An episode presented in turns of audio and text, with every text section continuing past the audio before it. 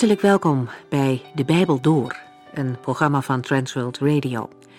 De Bijbel Door is een radioserie die u in vijf jaar meeneemt door de hele Bijbel. Van Genesis 1 tot Openbaring 22.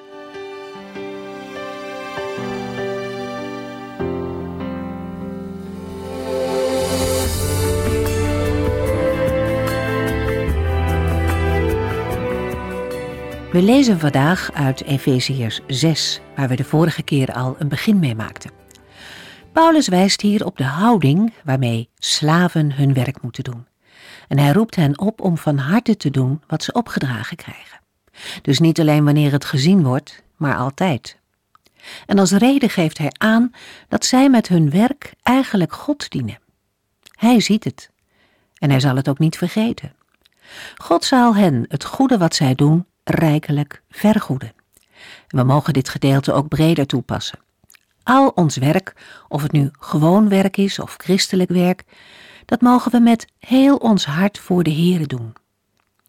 Elke gelovige wordt een slaaf van Christus genoemd. Hij is degene die we dienen. En voor Hem mogen we klaarstaan. En dat blijkt juist ook in de gewone werkzaamheden.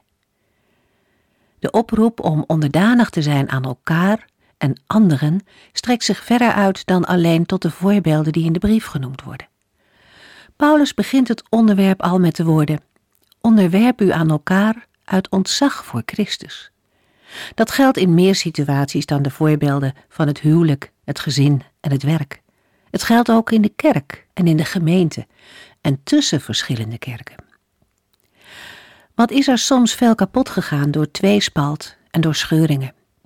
De onderlinge tegenstellingen zijn echter niet in overeenstemming met deze brief van Paulus.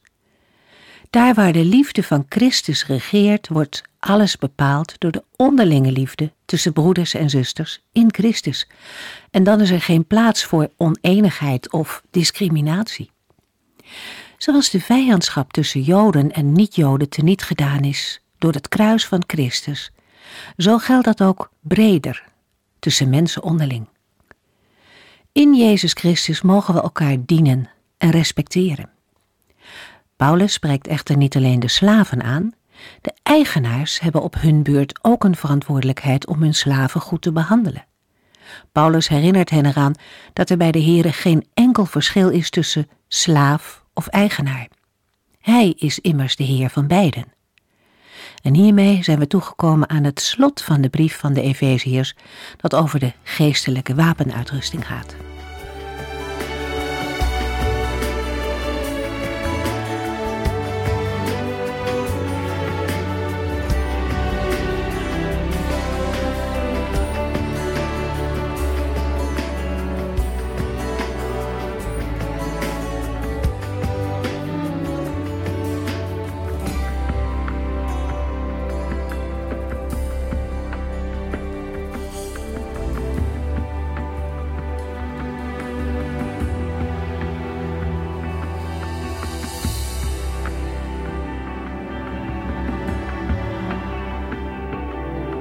Met Efeziërs 6, vers 10 gaat Paulus over tot het laatste onderwerp van zijn brief aan de gelovigen in de stad Efeze. Zijn laatste onderwerp gaat over de strijd die de gelovigen moeten voeren tegen de heersers en machten in de hemelsferen. Aangezien Christus boven deze machten is geplaatst, zullen de gelovigen die één met de Heer zijn, die met hem geplaatst zijn in de hemel, niet bang of angstig hoeven te zijn. Dat wil niet zeggen dat deze heersers en machten een gepasseerd station zijn. Op aarde oefenen zij nog heerschappij uit over de ongelovigen en proberen zij de gelovigen te verleiden. Gelovigen moeten op hun hoede zijn en zich wapenen tegen de heersers en machten in de hemelsferen. Zodra de geloofsverbondenheid van een gelovige met Christus verslapt, dan moeten gelovigen oppassen. Daarom klinkt de oproep van de apostel in Efeziërs 6, vers 10 ten slotte nog dit: Word sterk door één met de Here te zijn en zijn grote kracht in u te laten werken. In een ander verband waren de laatste richtlijnen in de brief van Paulus aan de Corinthiërs van een gelijksoortige inhoud. In 1 Corinthiërs 16, vers 13 en 14 lezen we: Wees op uw hoede, houd stand in het geloof, wees moedig en sterk. Wat u ook doet, doe het uit liefde. Sterk zijn en blijven kan een gelovige alleen door de genade die Christus Jezus geeft. Door in Hem te blijven mag een gelovige vrucht dragen. De woorden zijn door Paulus zo gekozen en opgeschreven dat ze een blijvende opdracht aangeven. Maar, zal iemand zeggen, een gelovige is toch één met de Heer? Ze hebben toch nu al deel aan de kracht waardoor ook Christus uit de dood werd opgewekt? Zeker, dat is allemaal waar, maar vergeet niet wat Paulus in Romeinen 11, vers 17 tot en met 22 heeft geschreven. Sommige takken van de goede olijfboom zijn afgebroken. En u, niet-Joden, bent als wilde olijftakken op de goede olijfboom geënt. Nu u tussen de andere takken staat, krijgt u net als zij voedsel uit de wortel. Nu moet u vooral niet neerkijken op de takken die weggebroken zijn. Verbeeld u maar niets. U bent maar een tak en niet de wortel die alle takken draagt. U zult dan vragen, maar die takken zijn toch weggebroken om plaats te maken voor ons? Ja, dat is wel zo. Maar vergeet niet dat zij werden weggebroken omdat zij niet geloofden. En u staat daar zolang u op Hem vertrouwt. Verbeeld u maar niets. Heb liever ontzag voor God. Als God de oorspronkelijke takken van de boom niet heeft gespaard, zal Hij u zeker niet sparen. U ziet dus dat God niet alleen goed is, maar ook streng. Hij is streng voor wie Hem ongehoorzaam zijn, maar vriendelijk voor wie Hem blijven vertrouwen en gehoorzamen. Houd dit in gedachten, want anders zult u ook afgesneden worden. Als gelovigen dit vergeten, dan zou hij of zij op de gedachte kunnen komen geen bescherming en wapenrusting nodig te hebben.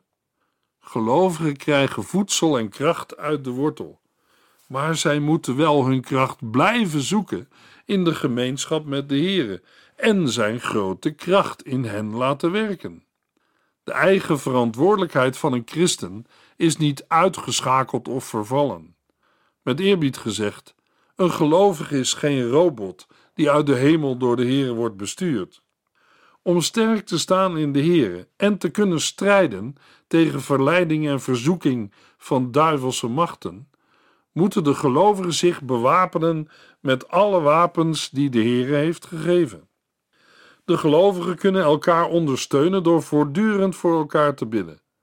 Paulus roept in Efeziërs 6, vers 19 en 20 op om in het bijzonder voor hem te bidden, met het oog op de verkondiging van het evangelie. Hij vraagt om concrete dingen. Bid ook voor mij. Vraag God mij de juiste woorden te geven als ik mijn mond open doe, zodat ik vrijmoedig het geheimenis van het goede nieuws bekend mag maken. Als gezant van de Heere zit ik hier vast in de gevangenis. Bid daarom dat ik onbevreesd zal zeggen wat ik zeggen moet. In sommige Griekse handschriften is aan het begin van vers 10 het woord broeders toegevoegd. In de eerste plaats is broer of broeder een aanduiding van een natuurlijke broer, op grond van bloedverwantschap. Soms wordt het versterkt door de toevoeging van het woordje eigen, bijvoorbeeld in Johannes 1, vers 41, waar in het Grieks staat Andreas, de eigen broer van Simon Petrus. Jacobus, de schrijver van het gelijknamige Bijbelboek, heet in Galaten 1 vers 19 Jacobus, de broer van onze Here. Vervolgens wordt broeders ook gebruikt als uitdrukking van geestelijke verwantschap op grond van verbondenheid met Christus. In Johannes 20 vers 17 noemt de Heer Jezus zijn volgelingen mijn broeders. Zelf wordt de heiland in Romeinen 8 vers 29 de eerstgeborene onder vele broederen, of de eerste en belangrijkste van vele broers genoemd. Mede-christenen worden aangesproken als broeder of zuster in de Heer Jezus Christus. Hoewel het meervoud broeders strikt genomen een mannelijke vorm is, houdt dit niet in dat in alle gevallen waarover broeders wordt gesproken, de zusters, buitengesloten worden. We moeten hierbij in gedachten houden dat de Griekse woorden voor broeders en zusters alleen in de uitgang van elkaar verschillen.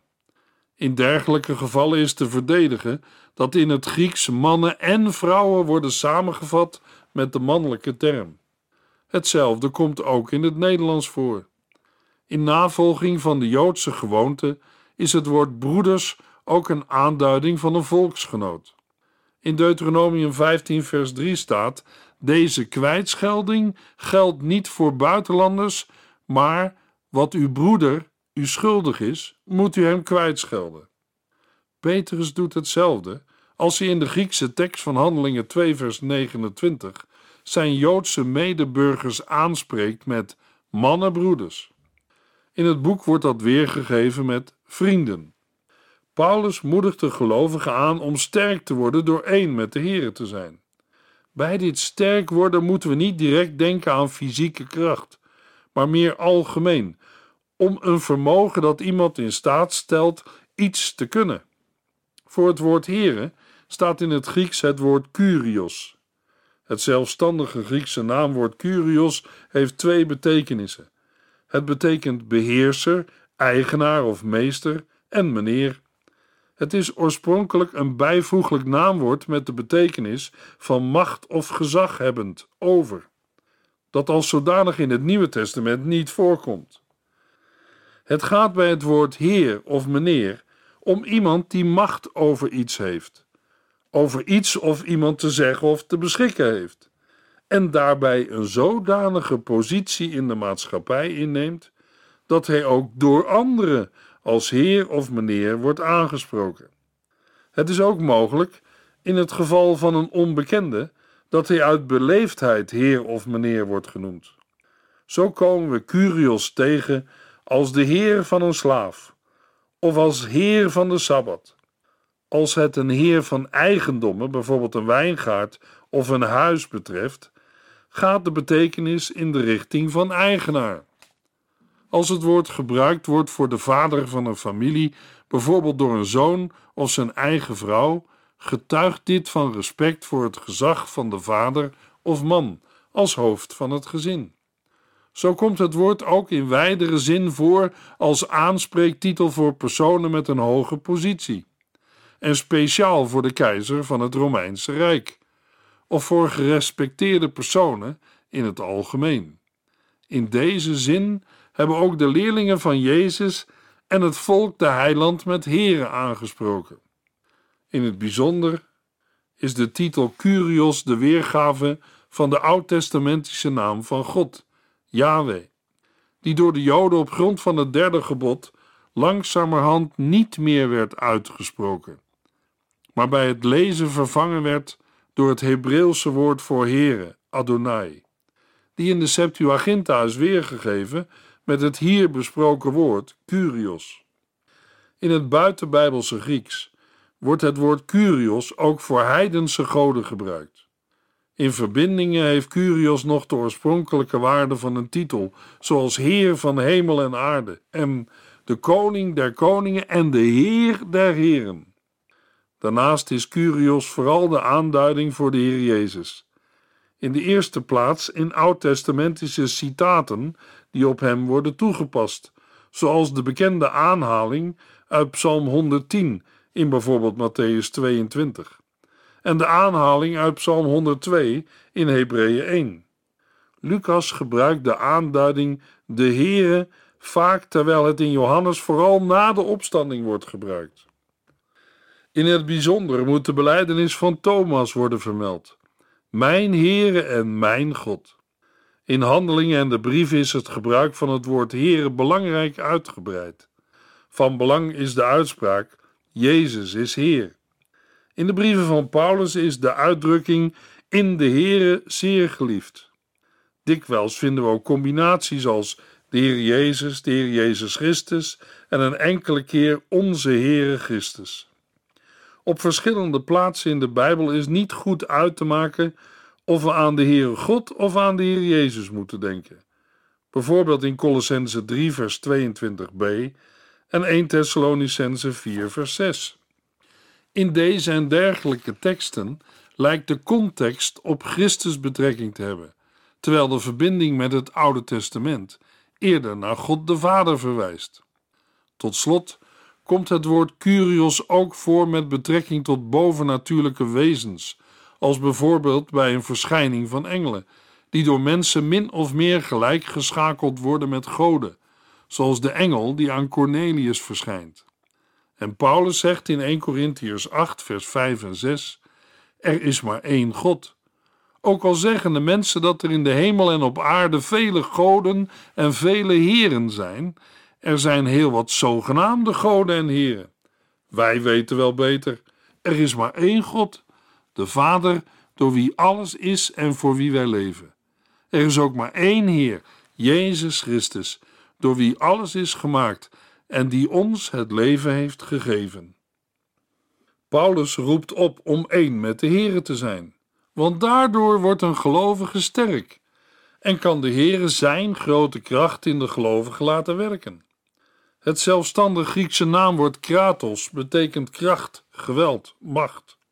Daarbij gaat het niet om de in een mens aanwezige lichaamskracht, maar om kracht zoals die ontplooid is in haar omvang en intensiteit. De kracht die iemand macht verschaft. Bijvoorbeeld in Hebreeën 2, vers 14 wordt dat gezegd van de duivel, die de kracht of macht over de dood had. Meestal gaat het in het Nieuwe Testament om kracht in geestelijke zin, zoals bijvoorbeeld in Handelingen 19, vers 20. Zo werd de invloed van de woorden van de Here steeds groter en sterker. Een bijzonder gebruik van het woord kracht of macht vinden we in Lucas 1, vers 51, waar het concreet gaat om het werk en de grote macht van de Here. Alleen door de kracht van de Here wordt een gelovige geestelijk sterk. Naast het Griekse woord kratos wordt met een ander Grieks woord de grote kracht van God uitgedrukt. Het Griekse woord dat wordt gebruikt in samenhang met kratos duidt de kracht aan om weerstand te bieden. De in iemand aanwezige lichamelijke kracht. In het Nieuwe Testament wordt het allereerst gebruikt voor de in God aanwezige kracht, soms gecombineerd met andere Griekse woorden. Zo komt het ook in lofprijzingen voor, waarin de kracht aan God en aan het Lam wordt toegeschreven. In de tweede plaats geeft het de geestelijke kracht aan, zoals God geeft aan engelen en mensen. Daarom moeten de mensen God liefhebben met heel hun hart, ziel, kracht en verstand. Ook dat is een manier voor een gelovige om zich voor te bereiden op de geestelijke strijd. Efeziërs 6, vers 11. Bewapen u met alle wapens die God ons geeft.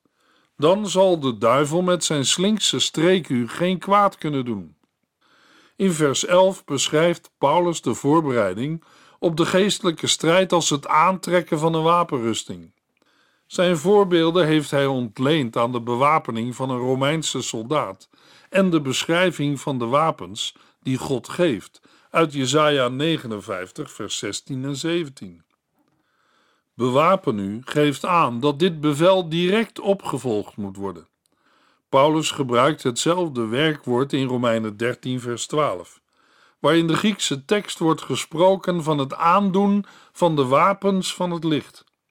Dat verband valt in de vertaling van het boek weg, omdat daar wordt vertaald met: Doe voortaan alleen maar wat gezien mag worden. Dat is wel de praktische toepassing van het geheel, maar legt niet het verband met de wapenrusting. Hetzelfde Griekse woord voor bewapenen wordt in Romeinen 13, vers 14 gebruikt, waar Paulus zegt: Omkleed u zelf met de Heer Jezus Christus en schenk geen aandacht aan de menselijke natuur. In Efeziërs 4, vers 24 heeft Paulus geschreven over het aantrekken van een nieuwe natuur als een stel nieuwe kleren. En in Colossense 3, vers 10 over het aandoen van de nieuwe mens. Waarvan in Colossense 3, vers 12 wordt gezegd: God heeft u uitgekozen en houdt van u. Kleed u daarom met innerlijk medeleven, goedheid, nederigheid, zachtaardigheid en geduld. Volg hierin het voorbeeld van Christus. Bij het bewapenen waartoe Paulus oproept, gaat het om een complete uitrusting. Deze wordt gekarakteriseerd als de wapenrusting van God. Daarmee verwijst Paulus naar Jesaja 59, waar het gaat over de redding van Israël en de stappen die de Heere daartoe ondernam. We lezen in vers 16 en 17: Hij, de Heere, zag dat niemand u hielp en vroeg zich af waarom niemand tussen beiden kwam. Daarom ondernam hij zelf stappen om u te redden door zijn machtige kracht en gerechtigheid. Hij deed de gerechtigheid aan als panzer en zette de helm van het heil op zijn hoofd. Hij kleedde zich met een mantel van vergelding en toorn. Paulus maakt met de aanhaling van Jesaja 59 duidelijk dat de genoemde wapens van God afkomstig zijn en geestelijk van aard. Aan de Corinthiërs schreef de apostel daar ook over in 2 Corinthiërs 10 vers 3 tot en met 6. Nu is het waar dat ik maar een gewoon mens ben, maar ik ga niet op menselijke wijze te werk om de strijd te winnen. Ik strijd met Gods wapens, niet met menselijke, om elke tegenstand te breken. Met deze wapens zijn alle argumenten waarmee men zich tegen God verzet te ontzenuwen. Alle barrières tussen God en de mensen worden daardoor omvergehaald. Met deze wapens breek ik elke opstand van menselijk denken om die terug te brengen tot gehoorzaamheid aan Christus. Zodra blijkt dat u volledig gehoorzaamt, zal ik deze wapens gebruiken tegen elke ongehoorzaamheid van anderen. En in 1 Thessalonicense 5 vers 8 en 9 maar laten wij die bij de dag horen nuchter blijven. Wij moeten onszelf beschermen met het harnas van geloof en liefde en met de helm van de hoop op het heil.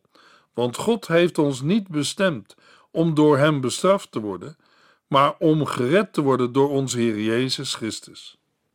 Paulus schrijft in Efeziërs 6, vers 11: Bewapen u met alle wapens die God ons geeft. Het doel van deze toerusting of bewapening is stand houden, om u te kunnen verdedigen als de vijand aanvalt. Of, zoals de apostel schrijft, dan zal de duivel met zijn slinkse streek u geen kwaad kunnen doen. In vers 13 omschrijft de apostel dat met ongeslagen uit de strijd tevoorschijn komen. Bij de slinkse streken van de duivel moeten we concreet denken aan vervolgingen, dwaalleraren en verleidingen tot zonde. De duivel is de tegenstander, de beschuldiger, de lasteraar.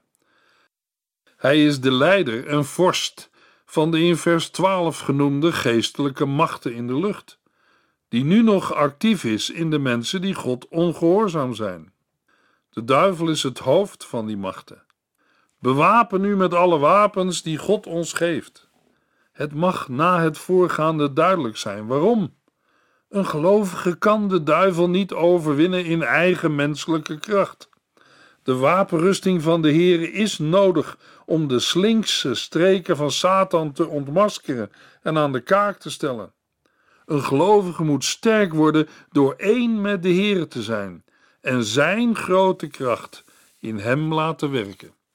Het is opvallend dat de afzonderlijke wapens die in Efeziërs 6 worden genoemd afgezien van het korte zwaard, stuk voor stuk verdedigingswapens zijn. Dat wil zeggen wapens die soldaten dragen om zichzelf te verdedigen of te beschermen. Als een soldaat deze wapenrusting draagt, die overigens ook voor een offensief doel gebruikt kan worden, is hij van top tot teen bewapend met schild, helm, borstpanzer, been- en voetbescherming, zwaard en speer. Dat zo'n bewapening nodig is, blijkt uit het vervolg. Efeziërs 6, vers 12. Want wij vechten niet tegen mensen, maar tegen onzichtbare wezens, de duivelse heersers en machten die deze donkere wereld tyranniseren, boosaardige geesten in de onzichtbare wereld om ons heen. Als mensen zich als tegenstander van de gemeente van Christus opstellen, ziet Paulus daarachter de inspiratie en werking van boze machten. Daarom is de strijd niet tegen mensen. In de Griekse tekst vinden we voor de vertaling mensen de Joodse omschrijving van een mens in zijn natuurlijk bestaan. Wij hebben niet te strijden tegen vlees en bloed. Vervolgens noemt Paulus vier categorieën van geestelijke machten, die onder leiding van de duivel de werkelijke vijanden van de gelovigen zijn. In de Griekse tekst zijn de vier categorieën aangeduid met overheden, machten, wereldbeheersers en geestelijke machten in de hemelse gewesten. De benamingen worden door Bijbeluitleggers teruggevoerd naar benamingen die binnen het Romeinse Rijk ook voor menselijke gezagsdragers werden gebruikt. Bijvoorbeeld de term wereldbeheerser werd in de rabbijnse literatuur gebruikt voor wereldveroveraars, voor de doodsengel en voor Satan zelf. Daarbij gaat het om geestelijke machthebbers die in relatie staan met de heerser of overste van deze wereld. Al deze machten zijn actief in en vanuit de hemelse gewesten of hemelsferen. Zij nemen een plaats in onder Christus en zijn gemeente, maar boven de zondige mensen op aarde. Luisteraar, als u in de geestelijke strijd averij hebt opgelopen en op een of andere manier gebonden bent geraakt, weet dan dat Christus al deze heersers, machten en Satan door zijn kruis heeft verslagen en overwonnen. Bid om zijn bevrijding, of laat met u bidden voor bevrijding. Geestelijke strijd is aan de orde van de dag. Het is de strijd tussen licht en duisternis, tussen waarheid en leugen. Wij moeten vandaag zien en onderkennen dat de duisternis alleen maar te overwinnen is door het licht en de leugen door de waarheid. Geestelijke strijd is eerst en vooral een strijd om ons denken. Als we het licht van het evangelie in onze gedachten toelaten, zal de duisternis er niet kunnen blijven. Dan moeten zelfs de vreselijke schaduwen van een gebonden en traumatisch verleden wijken in de naam van de Heer Jezus Christus. Hij heeft beloofd dat hij zijn volgelingen nooit zal verlaten. In de volgende uitzending lezen we Efeziërs 6, vers 13 tot en met 15.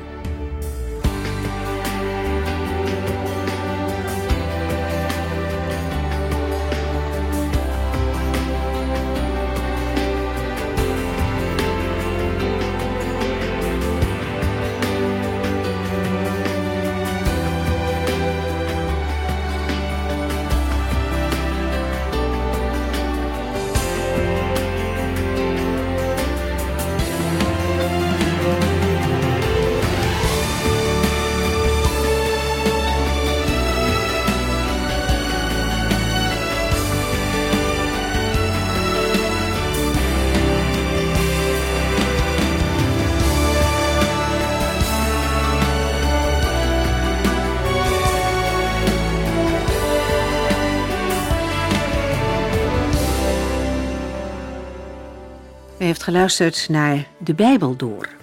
In het Nederlands vertaald en bewerkt door Transworld Radio.